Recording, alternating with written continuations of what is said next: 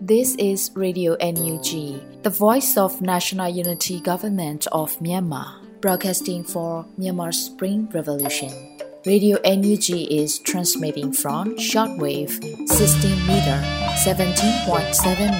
MHz at 8:30 a.m. and 25 meter 11.94 MHz at 8:30 p.m. Myanmar Standard Time. မင်္ဂလာပါရှင်။ မြို့သားညီညွတ်ရေးအစိုးရရဲ့အတန်နှုန်းဌာန Radio NUG ကိုမနက်ပိုင်း၈နာရီခွဲမှာလိုင်းတူ16မီတာ19.89 MHz ညပိုင်း၈နာရီခွဲမှာလိုင်းတူ25မီတာ17.6 MHz တို့မှာဓာတ်ရိုက်ဖမ်းယူနိုင်စေနိုင်ပါရှင်။မင်္ဂလာအပေါင်းနဲ့ပြည့်စုံကြပါစေ။အခုချိန်ကစပြီး Radio NUG အစီအစဉ်လေးကိုဓာတ်ရိုက်အတန်လွှင့်ပေးနေပါပြီရှင်။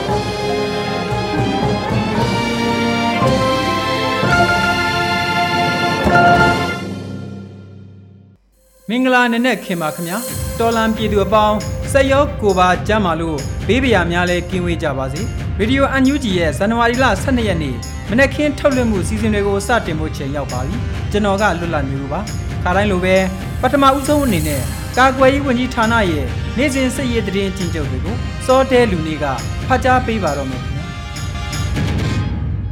မျိုးသားညီညွတ်ရေးဆိုရာကာဝေးဝင်ကြီးဌာနမှနိုင်စဉ်ထုတ်ဝေတဲ့စစ်ရေးသတင်းအချင်းချုပ်များကိုစတင်တင်ပြပေးပါတော့မယ်။သတင်းများအရရန်သူတပ်သား15ဦးသေဆုံးပြီး18ဦးထိခိုက်ဒဏ်ရာရရှိခဲ့ကြောင်းသတင်းရရှိပါရခင်ဗျာ။စစ်ကောင်စီနဲ့တိုက်ပွဲဖြစ်ပွားမှုများမှာမွန်ပြည်နယ်တွင်ဇန်နဝါရီလ17ရက်နေ့မနက်6နာရီချိန်ကမွန်ပြည်နယ်ရေးမြို့နယ် ကျိုးတရာကျေးရွာထိပ်တွင်အင်အား20ခန့်ရှိသည့်ရန်သူတပ်စခန်းတစ်ခုကို YGF ကဝင်ရောက်တိုက်ခိုက်ခဲ့ရာရန်သူတပ်သားအနည်းဆုံး9ဦးသေဆုံးခဲ့ကြောင်းသတင်းရရှိပါရခင်ဗျာ။ဇန်နဝါရီလ10ရက်နေ့နေ့လယ်တနာရီခန့်ကဘီလင်းမြို့နယ်တောက်ရက်ကျွော်ရွှေအင်တုံကုန်းတွင်ရန်သူကားတံကို KNLA PDF ပူးပေါင်းတပ်ဖွဲ့များမှမိုင်းဆွဲတိုက်ခိုက်ခဲ့ရာကားနှစ်စီးထိမှန်ပြီးရန်သူတပ်သား9ဦးသေဆုံးက3ဦးမှစေယုံတို့တင်ပို့ကုသနေရကြောင်းသတင်းရရှိပါရခင်ဗျာ။ဇ န်နဝါရီလ17ရက်နေ့မနက်10:00နာရီခန့်ကရေးမြို့နယ်လမိုင်းမြို့နှစ်ကရင်ကျေးရွာရှိလမိုင်းနေမြေရဲစခန်းကိုရေးပြောက်ကြားတပ်ဖွဲ့ YGF ကဝင်ရောက်စီးနင်းခဲ့ရာရဲတပ်ဖွဲ့ဝင်များထွက်ပြေးတိမ်းရှောင်တော်တဲ့ပြင်စခန်းကိုမိရှို့ဖျက်ဆီးနိုင်ခဲ့ပြီးစခန်းတွင်းရှိပစ္စည်းနှင့်အဆောက်အဦများစာရွက်စာတမ်းများမိလောင်ပျက်စီးသွားခဲ့ကြောင်းသတင်းရရှိပါရခင်ဗျာစကိုင်းတိုင်းတွင်ဇန်နဝါရီလ10ရက်နေ့မနက်8:55မိနစ်ခန့်ကကမ်ဘလူမြို့နယ်ချောင်းကန်ကျေးရွာနှင့် ဇာဒီကျေးရွာတို့တွင် အထိုင်ချထားသောရန်သူတပ်သားများနှင့်ပြူစောတိတပ်သားများကိုကမ်ဘလူ Underground Warriors လင်းယုံနီကမ်ဘလူမျိုးနှင့် LPDF မဟာမိတ်ဖွဲ့များမှပူးပေါင်း၍လက်နက်ကြီး12လုံးဖြင့်တွားရောက်ပစ်ခတ်ခဲ့ကြောင်းတင်ရရှိပါရခင်ဗျာဇန်နဝါရီလ10ရက်နေ့ညနေ9:55မိနစ်ခန့်မှ9:58မိနစ်ထိ မုံရွာမြို့နယ်တာစီလန်းအဝိုင်းဘက်အနီးမြို့ဆောင်လန်းတနေရာတွင်ကြောက်စစ်ပုံအမြောက်တပ်မှထွက်လာသောခွေဘလူးကားတစ်စီးဖြင့်ရန်သူအင်အား6ဦးကိုပြည်သူ့ကာကွယ်ရေးတပ်မတော်မုံရွာခရိုင်အမှတ်25တပ်ရင်တပ်ခွဲ9ကပရိသာမိုင်း9လုံးတပွိုင်ဖြင့်မိုင်းဆွဲတိုက်ခိုက်ခဲ့ပြီးလက်နက်ငယ်များဖြင့်ပစ်ခတ်တိုက်ခိုက်ရာအမြောက်တပ်မှတရေးဗိုလ်ကြီးတအူဦးကောင်းပွင့်သေဆုံးခဲ့ကြောင်းသတင်းရရှိပါရခင်ဗျာဇန်နဝါရီလ10ရက်နေ့မနက်၈နာရီခန့်ကမုံရွာမြို့နယ်မင်းတောင်စိတ်ကမ်းမှာစုံစင်းလာသော နမခလက်အောက်ခံတန်းအင်အား60ဦးရဲအင်အား20ဦးခန့်လိုက်ပါလာသောတံဖလက်ခွန်အမြန်ရေးရင်အားပြည်သူ့ကာကွယ်ရေးတပ်မတော်မုံရွာခရိုင်တရင်23မှတိုက်ခိုက်ခဲ့ပြီးရန်သူတပ်ထံမှ40မမပုံသီးတစ်လုံး9.6 G 20 တောင်ရဲဝစ်စုံတစ်စုံရဲအုပ်ထုပ်တစ်လုံးပြည်သူစစ်ဝစ်စုံတစ်စုံ point ဖက်နှက်နှင့်တာမန်ဝစ်စား၅စုံခီးဆောင်အိတ်တစ်လုံးလက်နက်ထုတ်စရင်စာရွက်နှစ်ဆောင်သိမ်းဆဲရမိခဲ့ကြောင်းသတင်းရရှိပါရခင်ဗျာ။ မကွေတိုင်းတွင်ဇန်နဝါရီလ17ရက်နေ့မနက်9:40မိနစ်ခန့်ကဂန်ကုန်းမြို့နယ်ခလာရ90အတွင်းမှထွက်ခွာလာသောရန်သူတပ်ဖွဲ့ဝင်90ခန့်ပါသောစစ်ကြောင်းအားလမ်းမိုင်းတနေရာရောက်တွင်ပြည်သူ့ကာကွယ်ရေးတပ်မတော်ကံကောက်ခရိုင်အမှတ်9တပ်ရင်းမှပျောက်ကြားပစ်ခတ်တိုက်ခိုက်ခဲ့ရာရန်သူတပ်ဖွဲ့ဝင်9ဦးထိခိုက်ဒဏ်ရာရရှိခဲ့ကြောင်းသတင်းရရှိပါရခင်ဗျာမန္တလေးတိုင်းတွင်ဇန်နဝါရီလ10ရက်နေ့ညနေ4:00နာရီခန့်ကအမရပူရမြို့နယ်ရှိပထိုးတော်ကြီးဘုရားအနီးတွင်ရန်သူကင်းလှည့်ကားနှစ်စီးဖြတ်တန်းသွားချိန်တွင် No More Dictatorship People Defense Force NMDPDF အဖွဲ့ကချိန်ကိုက်မိုင်းနှလုံးဖြင့်ဖောက်ခွဲတိုက်ခိုက်ခဲ့သောကြောင့်ကားတစ်စီးထိမှန်ပျက်စီးခဲ့ကြောင်းသတင်းရရှိပါရခင်ဗျာ ဇန်နဝါရီလ10ရက်နေ့နေ့လယ်တနာရီခန့်ကငဇုံမြို့နယ်မြို့သားမြို့တောင်ဘက်ရှိနဘူးတော်ကျေးရွာစာတင်ကျောင်းအတွင်းစုံညီပွဲသို့လာရောက်၍လုံခြုံရေးပေးသည့်ရန်သူအင်အား60ခန့်ပါသောဖော်ကားတစ်စီးနှင့်ခွေးဘလူးကားနှစ်စီးမြို့သားမြို့ဘက်မှနဘူးအိုင်ရွာဘက်သို့မောင်းနေလာစဉ်နဂနီပျောက်ကြားတပ်ဖွဲ့မြင်းချံကရှေ့ဆုံးမှမောင်းလာသည့်ဖော်ကားနှင့်ခွေးဘလူးကားတို့ကိုမိုင်းကွင်းနှင့်အရောက်တွင်မိုင်း15လုံးဖြင့်ဖောက်ခွဲတိုက်ခိုက်ရာရရန်သူ6ဦးသေဆုံးခဲ့ပြီး10ဦးထိခိုက်ဒဏ်ရာရရှိခဲ့ကြောင်းသတင်းရရှိပါရခင်ဗျာ။ ပဲခူးတိုင်းတွင်ဇန်နဝါရီလ10ရက်နေ့မနက်7:45မိနစ်ခန့်ကညောင်လေးပင်မြို့နယ်ပိန်းစလုတ်အခြေဆိုင်ခမာယ264တက်အတွင်းသို့ပြည်သူ့ကာကွယ်ရေးတပ်မတော်ပဲခူးခရိုင်တပ်ရင်း3900နှင့်တက်ခွဲ1က M79 ဖြင့်နှစ်ချက်ပစ်ခတ်တိုက်ခိုက်ခဲ့ရာတပ်အတွင်းရှိတပ်ရင်းမှုအိမ်ရှိတက်တဲ့သို့ကြီးကြပောက်ကွဲခဲ့ပြီးရန်သူတပ်သားတို့ထိခိုက်ဒေဆုံးသွားကြောင်းသတင်းရရှိပါရခင်ဗျာစစ်ကောင်စီကျူးလွန်သောရာဇဝဲမှုများမှာကချင်ပြည်နယ်တွင်ဇန်နဝါရီလ17ရက်နေ့မနက်8:00နာရီခန့်က မိုးညင်းမြို့နယ်အင်းတော်ကြီးဒေသမိုင်းနောင်ရွာတောင်ဘက်ရှိတောင်ဘက်လန်တင်ကောက်ချောင်းနဲ့မြေနီကုန်းရွာဘက်သို့ရန်သူရင်အားတရားကျော်ဝင်ရောက်ခဲ့ပြီးမြနန္ဒာရက်ကွက်မှလူငယ်များကိုအိမ်ပြင်ထွက်ခိုင်းကလူသားတိုင်းပြုလုပ်၍မြနန္ဒာရက်ကွက်အစွန်တွင်ဒေသခံများကိုကာကွယ်ယူပြီးစခန်းချနေကြောင်းတင်ရရှိပါရခင်ဗျာချင်းပြည်နယ်တွင်ဇန်နဝါရီလ17ရက်နေ့က ရန်သူစစ်တပ်ဘက်မှလေကြောင်းဖြင့်တိုက်ခိုက်မှုကြောင့်ကြာဆုံးသွားသော CNF CNA ရဲဘော်များအတွက်ဟာကာဒေတာကန်ပြည်သူများကစိုက်များပိတ်သိမ်း၍ဝမ်းနည်းကြောင်းဖော်ပြရာစစ်တပ်ကစိုက်များပြန်ဖွင့်ရန်ချိန်ချောက်ခဲ့ကြောင်းသတင်းရရှိပါရခင်ဗျာ။စကိုင်းတိုင်းတွင်ဇန်နဝါရီလ10ရက်နေ့ည10:00နာရီခန့်မှ17:00နာရီခန့်ထိမုံရွာမြို့နယ်နမခလာဆာယာ6တပ်ဘက်မှအရှိမြောက်ဘက်သို့လက်နက်ကြီးလက်နက်ငယ်များဖြင့်ရန်တမ်းပစ်ခတ်ရာတွင်လက်နက်ကြီး10လုံးခန့်ပစ်ခတ်ရာ လာဆာရ6မြောက်ဘက်ကလျက်တပြေတော်ရွာမှဥကျွေစွန်းနေပြည်တော်တာဝန်ကျစစ်သားရောက်ခမ၏နေအိမ်နှင့်ဒေါကလမနေအိမ်တို့အပေါ်လက်နက်ကြီးကြားရောက်ထိမှန်ပောက်ကွဲခဲ့ကြောင်းသတင်းရရှိပါရခင်ဗျာရန်ကုန်တိုင်းတွင်ဇန်နဝါရီလ17ရက်နေ့ညနေ9:00နာရီခန့်ကစမ်းချောင်းမြို့နယ်လမ်းမပေါ်ရှိကင်းလှည့်ကားအားဓာတ်ပုံရိုက်သောကိုထိန်လင်းနိုင်56နှစ်ကိုရန်သူတပ်သားများကဖမ်းဆီးခေါ်ဆောင်သွားခဲ့ကြောင်းသတင်းရရှိပါရခင်ဗျာ ဇန်နဝါရီလ17ရက်နေ့နေ့လယ်12:30မိနစ်ခန့်ကပဇွန်တောင်မြို့နယ်ဈေးနီးတဝိုက်တွင်ရန်သူတပ်သားများကကားနှစ်စီးဖြင့်လူငယ်၄ဦးကိုဖမ်းဆီးသွားခဲ့ကြောင်းသတင်းရရှိပါရခင်ဗျာ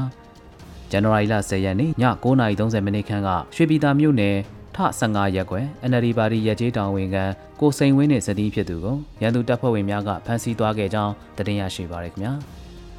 ယခုဖော်ပြပါသတင်းများကိုမြေပြင်သတင်းတာဝန်ခံများနဲ့သတင်းဌာနများမှဖော်ပြလာသောအချက်အလက်များပေါ်တွင်အခြေခံပြည့်စုံထားခြင်းဖြစ်ပါတယ် ကျွန်တော်စောတဲလူနေပါ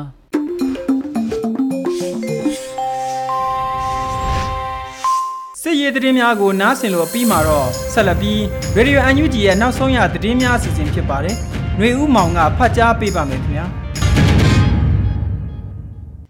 ပထမဦးဆုံးတင်ဆက်ပေးမယ့်သတင်းကတော့ပြည်သူတွေပုံစံမျိုးစုံနဲ့ဒုက္ခခံနေရတာအသက်ဆုံးရှုံးမှုတွေဖြစ်နေရတာကို အင်မတန်ဝမ်းနည်းစိတ်ကောင်းဖြစ်ရတယ်လို့ပြည်ထောင်စုဝန်ကြီးချုပ်မန်ဝင်းခိုင်တန်းကပြောကြားခဲ့တဲ့သတင်းပဲဖြစ်ပါတယ်။ပြည်သူတွေပုံစံမျိုးစုံနဲ့ဒုက္ခခံနေရတာအသက်ဆုံးရှုံးမှုတွေဖြစ်နေရတာကိုအင်မတန်ဝမ်းနည်းစိတ်မကောင်းဖြစ်ရတယ်လို့ပြည်ထောင်စုဝန်ကြီးချုပ်မန်ဝင်းခိုင်တန်းကပြောကြားလိုက်ပါတယ်။ဇန်နဝါရီ10ရက်အမျိုးသားညီညွတ်ရေးအစိုးရ၏82ကြိမ်မြောက်အစိုးရအဖွဲ့အစည်းအဝေးတွင်ပြည်ထောင်စုဝန်ကြီးချုပ်မန်ဝင်းခိုင်တန်းကပြောပါတယ်။ဒေါ်လန်ရေးဟာ နေရာတိုင်းမှာအရှိန်အဟုန်နဲ့တွားနေချိန်မို့ဒေါ်လန်ရေးအင်အားစုတွေဘက်ကအာသာမှုတွေအောင်မြင်မှုတွေကိုကြားသိရလို့ဝမ်းသာအားတက်မှုတွေဖြစ်ရသလိုကျွန်တော်တို့ရဲ့ပြည်သူတွေပုံစံမျိုးစုံနဲ့ဒုက္ခခံနေရတာအသက်ဆုံးရှုံးမှုတွေဖြစ်နေရတာကိုကြားသိရတာအင်မတန်ဝမ်းနည်းစိတ်မကောင်းဖြစ်ရပါတယ်လို့ဆိုပါတယ်။အကြမ်းဖက်စစ်အုပ်စုဟာ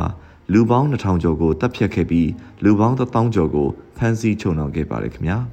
။ဆက်လက်ပြီး အမျိုးသားညီညွတ်ရေးအစိုးရပြည်ထောင်စုဝန်ကြီးချုပ်နဲ့ကရင်ပြည်နယ်လွှတ်တော်ကုစားပြုကော်မတီ CRKH တို့တွေ့ဆုံဆွေးနွေးခဲ့တဲ့သတင်းပဲဖြစ်ပါတယ်။ဇန်နဝါရီ17ရက်နေ့ကအမျိုးသားညီညွတ်ရေးအစိုးရပြည်ထောင်စုဝန်ကြီးချုပ်နဲ့ကရင်ပြည်နယ်လွှတ်တော်ကုစားပြုကော်မတီ CRKH တို့တွေ့ဆုံဆွေးနွေးခဲ့ပါတယ်။ပြည်ထောင်စုဝန်ကြီးချုပ်နဲ့ကရင်ပြည်နယ်လွှတ်တော်ကုစားပြုကော်မတီ CRKH တို့တွေ့ဆုံဆွေးနွေးပွဲကိုဇန်နဝါရီလ17ရက်နေ့နေ့လယ်3နာရီတွင် အွန်လိုင်းမှတဆင့်ကျင်းပခဲ့ပါတယ်။တွေ့ဆုံပွဲတွင်ပြည်ထောင်စုဝန်ကြီးချုပ်မန်းဝင်းခိုင်တမ်းမှအဖွင့်အမှာစကားပြောကြားပြီးဝန်ကြီးချုပ်ရုံးအမြဲတမ်းအတွင်းဝင်မှအမျိုးသားညီညွတ်ရေးအစိုးရ၏ဆောင်ရွက်ချက်များကိုရှင်းလင်းတင်ပြခြင်းပြည်ထောင်စုဝန်ကြီးချုပ်ယုံပြောရေးဆိုခွင့်ရှိသူဦးနေဖုံးလန်းမှ NUG အနေဖြင့်ဆောင်ရွက်နေသော one year plan နဲ့ပတ်သက်၍ရှင်းလင်းတင်ပြဆွေးနွေးခြင်းများဆောင်ရွက်ခဲ့ပါတယ်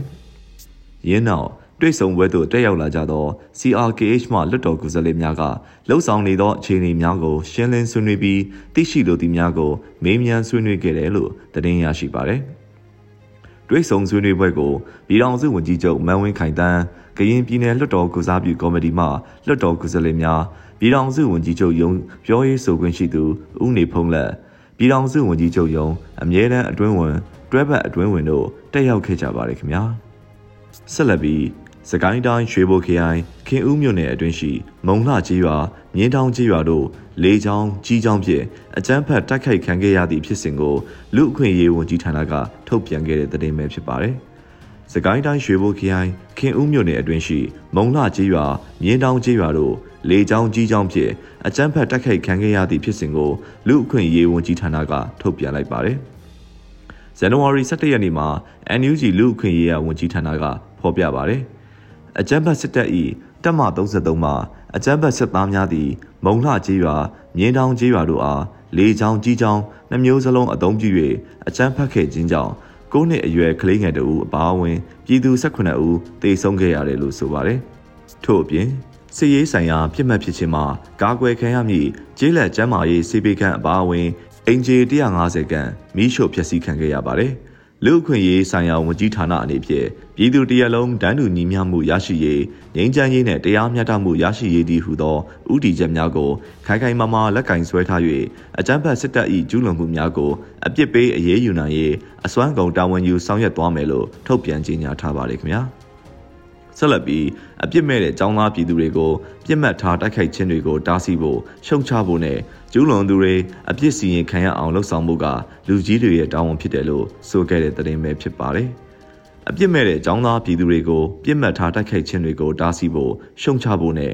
ကျူးလွန်သူတွေအပြစ်စီရင်ခံရအောင်လှုံ့ဆော်ဖို့ကလူကြီးတွေရဲ့တာဝန်ဖြစ်တယ်လို့ဆိုပါတယ်။ဇန်နဝါရီ17ရက်ပညာရေးဝန်ကြီးဌာနဒုဝန်ကြီးကြားထွေပန်က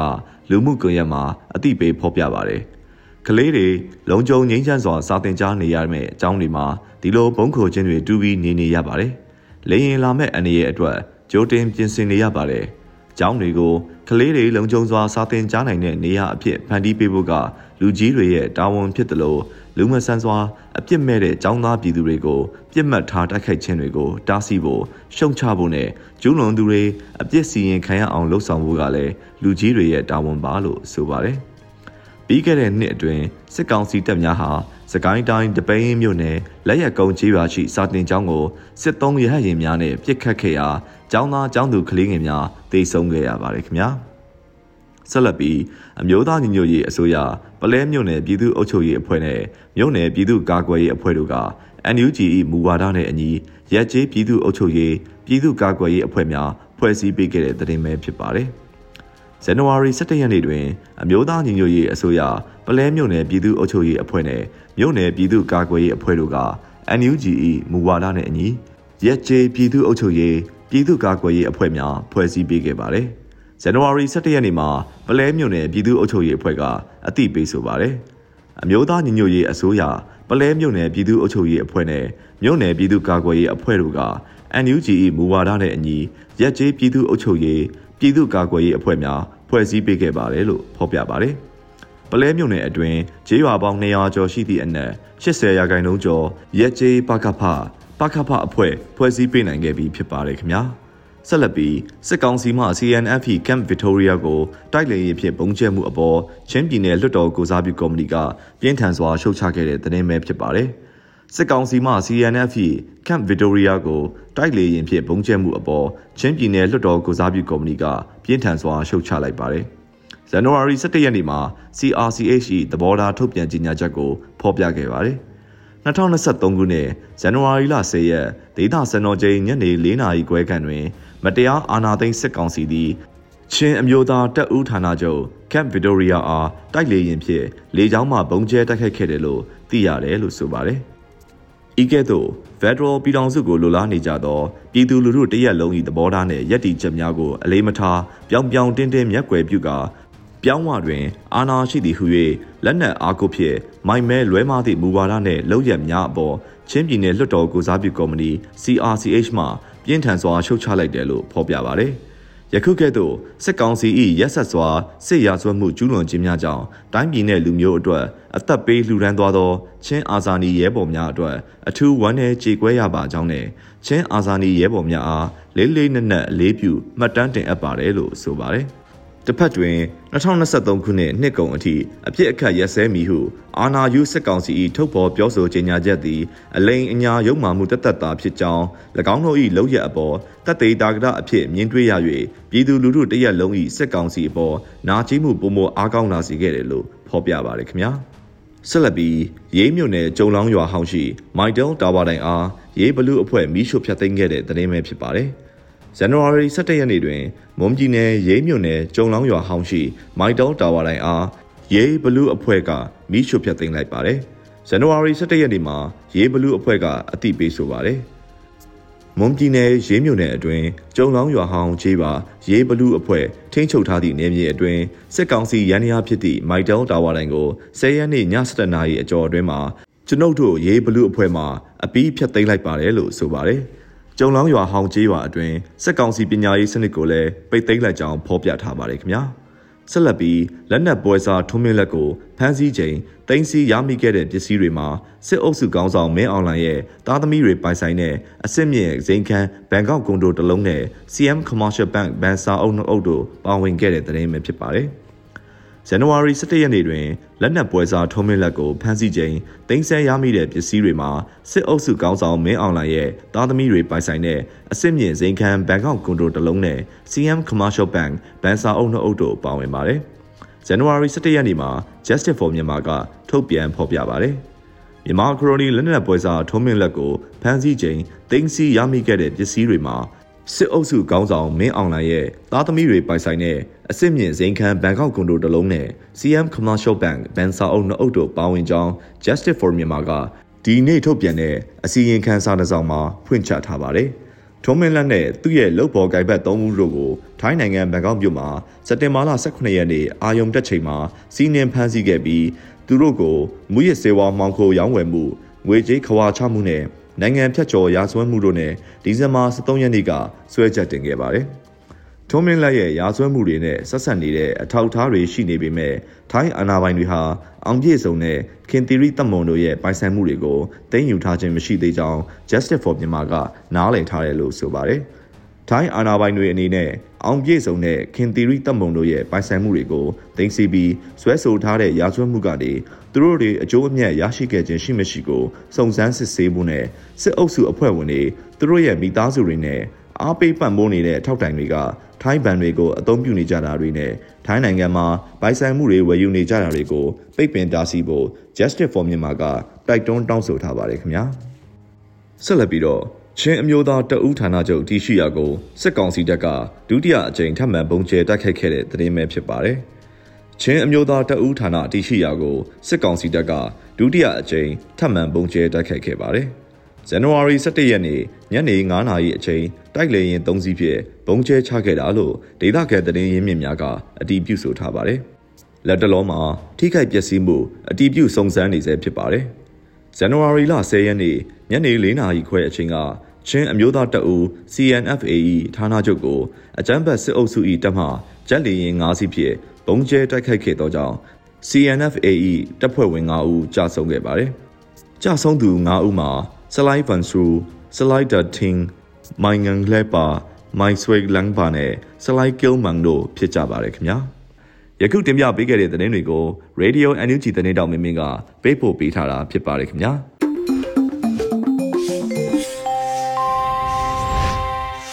ရေဒီယိုအန်ယူဂျီမှဇန်နဝါရီလ12ရက်နေ့မနေ့ကင်းသတင်းများကိုနားဆင်ခဲ့ရတာဖြစ်ပါတယ်။ဆက်လက်ပြီးပြည်သူ့ခုခံစစ်သတင်းများကိုတော့ຫນွေဦးလိပ်ပြာကတင်ပြပါဦးမယ်ခင်ဗျာ။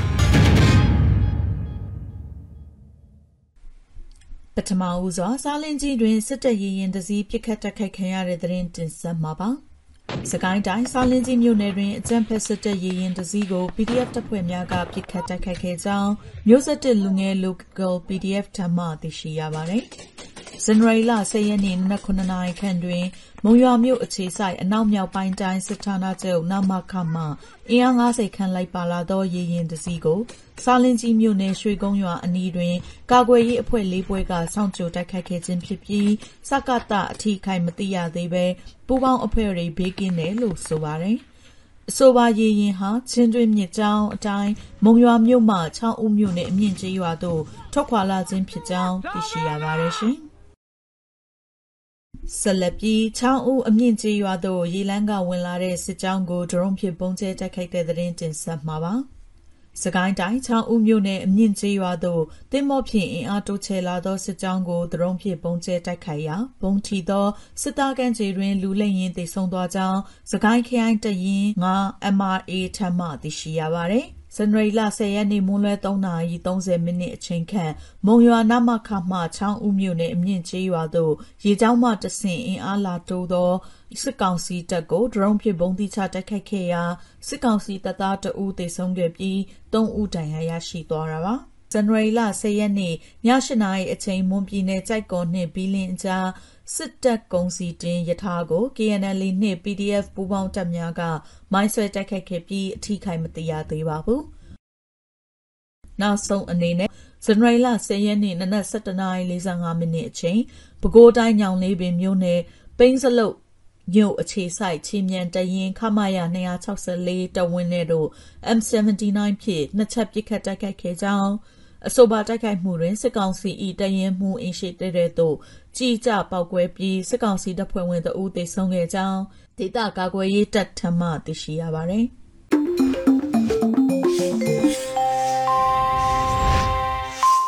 ရေဒီယိုအန်ယူဂျီမှာဆက်လက်အသံလွှင့်လျက်ရှိပါတယ်ဆက်လက်ပြီး PPTV ရဲ့နေ့စဉ်သတင်းများကိုထက်ထက်အိန္ဒြာအောင်ကတင်ပြပါတော့မယ်ခင်ဗျာ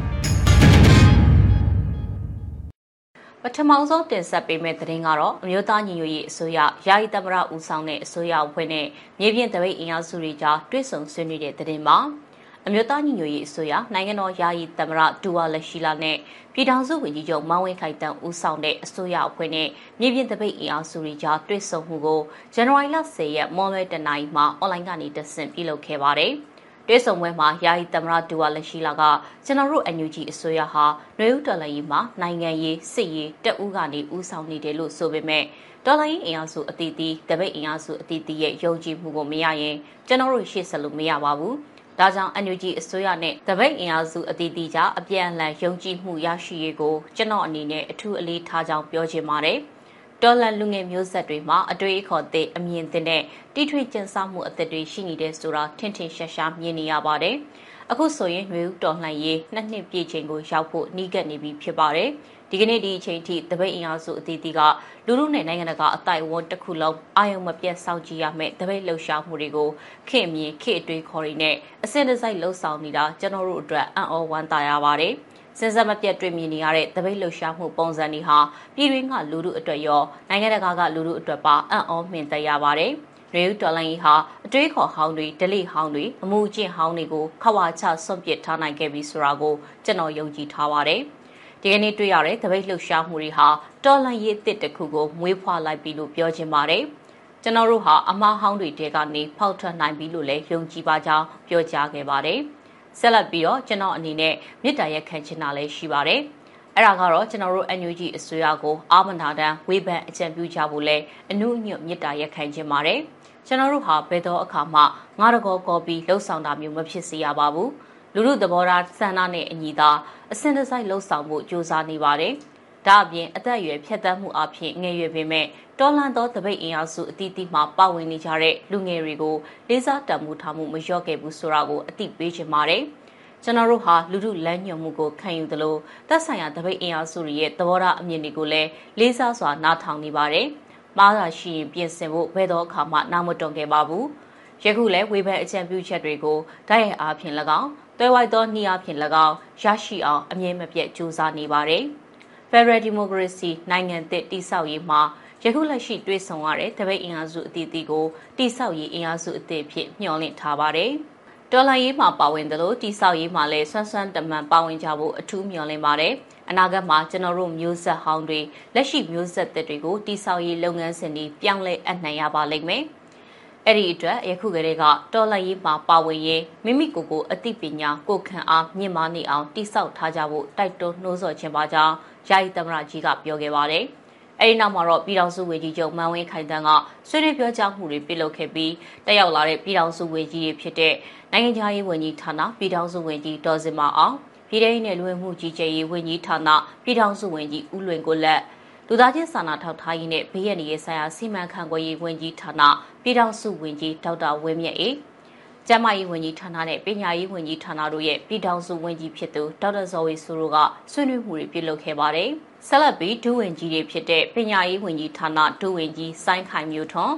အလုံသမားဝန်ကြီးဌာနဒုဝန်ကြီးဦးကျော်နီတို့ကဆွေးနွေးခဲ့ကြပါတယ်။အဲဒီနောက်မှာတော့ဦးမင်းကိုနိုင်ကဆွေးနွေးပြောကြားမှုတွေပြုလုပ်ခဲ့ပြီးတက်ရောက်လာတဲ့မြေပြင်တပိတ်အဖွဲ့ကိုစားပြုသူတွေကတပိတ်လှူရှာမှုတွေကိုပြန်လည်ဆွေးနွေးခဲ့ပါတယ်။ တပိတ်အင်အားစုတွေရဲ့မေးမြန်းဆွေးနွေးမှုတွေကိုတက်ရောက်လာတဲ့ပြည်ထောင်စုဝန်ကြီးတွေနဲ့ဒုတိယဝန်ကြီးတွေကပြန်လည်ဆွေးနွေးမှုတွေပြုလုပ်ခဲ့ပါတယ်။ဆက်လက်ပြီးပြည်ထောင်စုဝန်ကြီးချုပ်နဲ့ယာယီသမ္မတတို့ကအပိတ်အမှားစကားတွေပြောကြားခဲ့ပြီးအစည်းအဝေးကိုညနေ၄နာရီခန့်မှရုပ်သိမ်းခဲ့ကြပါတယ်။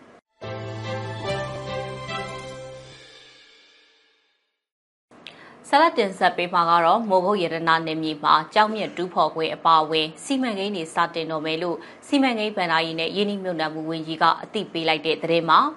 ကဘာတိမိုးကုတ်ရတနာနယ်မြေမှာကြောက်မြက်တူးဖော်ခြင်းအပါအဝင်တခြားသောစီမံကိန်းတွေကို NUG MOPFI Early Partnership Program ဖြစ်တဲ့စတင်တော်မှာဖြစ်တယ်လို့အမျိုးသားညီညွတ်ရေးအစိုးရစီမံကိန်းဗန်ဒါရီနဲ့ယင်းနှမြုံနယ်မှုဝန်ကြီးဌာန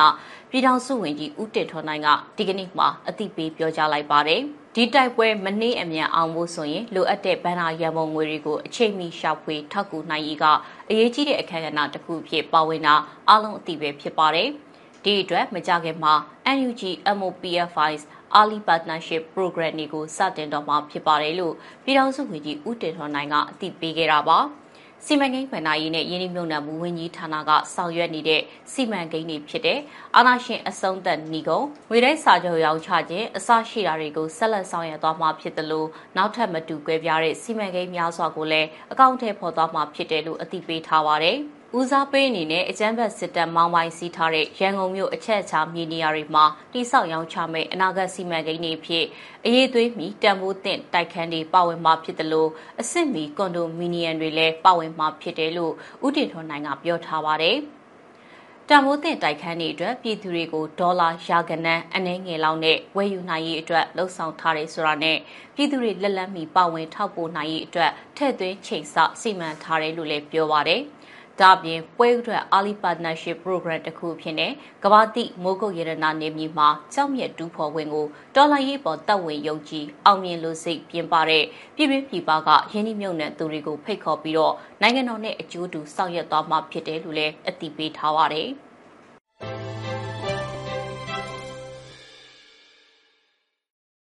အခုတင်ဆက်ပေးမှာကတော့အကြမ်းဖက်စစ်တပ်ကတပည့်ရင်မြို့နယ်အတွင်းမှာ9ရက်အတွင်းနေအိမ်အလုံး380ကျော်ကိုမိရှို့ဖျက်ဆီးပြီးပြည်သူနှစ်ဦးကိုမိရှို့တပ်ဖြတ်ခဲ့တဲ့တရင်ကိုတင်ဆက်ပေးမှာပါ။စကိုင်းတိုင်းတပည့်ရင်မြို့နယ်အတွင်းမှာအကြမ်းဖက်စစ်တပ်က9ရက်အတွင်းနေအိမ်အလုံး380ကျော်ကိုမိရှို့ဖျက်ဆီးခဲ့တယ်လို့အသက်85နှစ်အရွယ်အဖိုးအိုနှစ်ဦးကိုလည်းမိရှို့တပ်ဖြတ်မှုတွေပြုလုပ်ခဲ့တယ်လို့တပည့်ရင်မြို့နယ်ညီနောင်များအဖွဲ့ကပြောကြားထားပါတယ်။ အကြမ်းဖက်စစ်တပ်ကဇန်နဝါရီလ3ရက်ကနေ9ရက်အထိ9ရက်ဆက်တိုက်နေအိမ်တွေကိုမိရှို့ဖျက်ဆီးခဲ့တာဖြစ်တဲ့အပြင်အပြစ်မဲ့ပြည်သူတွေကိုပါတပ်ဖြတ်ခဲ့တာဖြစ်တယ်လို့တပည့်မြို့နယ်ညီနောင်များအဖွဲ့ကခေတ်သစ်သတင်းဌာနကိုအတည်ပြုပြောကြားခဲ့တာပါ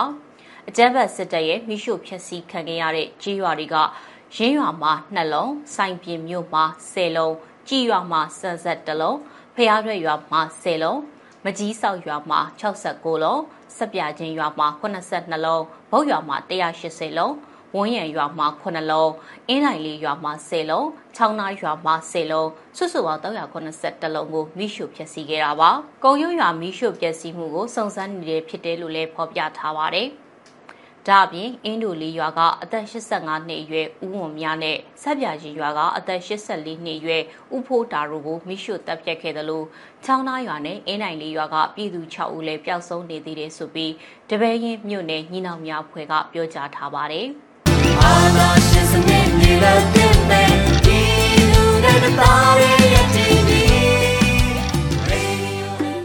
ဒီကနေ့ကတော့ဒီညနဲ့ပဲ Radio NUG ရဲ့အစီအစဉ်လေးကိုခਿੱတရနာလိုက်ပါမယ်ရှင်။မြမစံတော်ချိန်မနက်၈နာရီခွဲနဲ့ည၈နာရီခွဲအချိန်တွေမှာပြန်လည်ဆုံတွေ့ကြပါစို့။ Radio NUG ကိုမနက်ပိုင်း၈နာရီခွဲမှာလိုင်းတူ16မီတာ19.89 MHz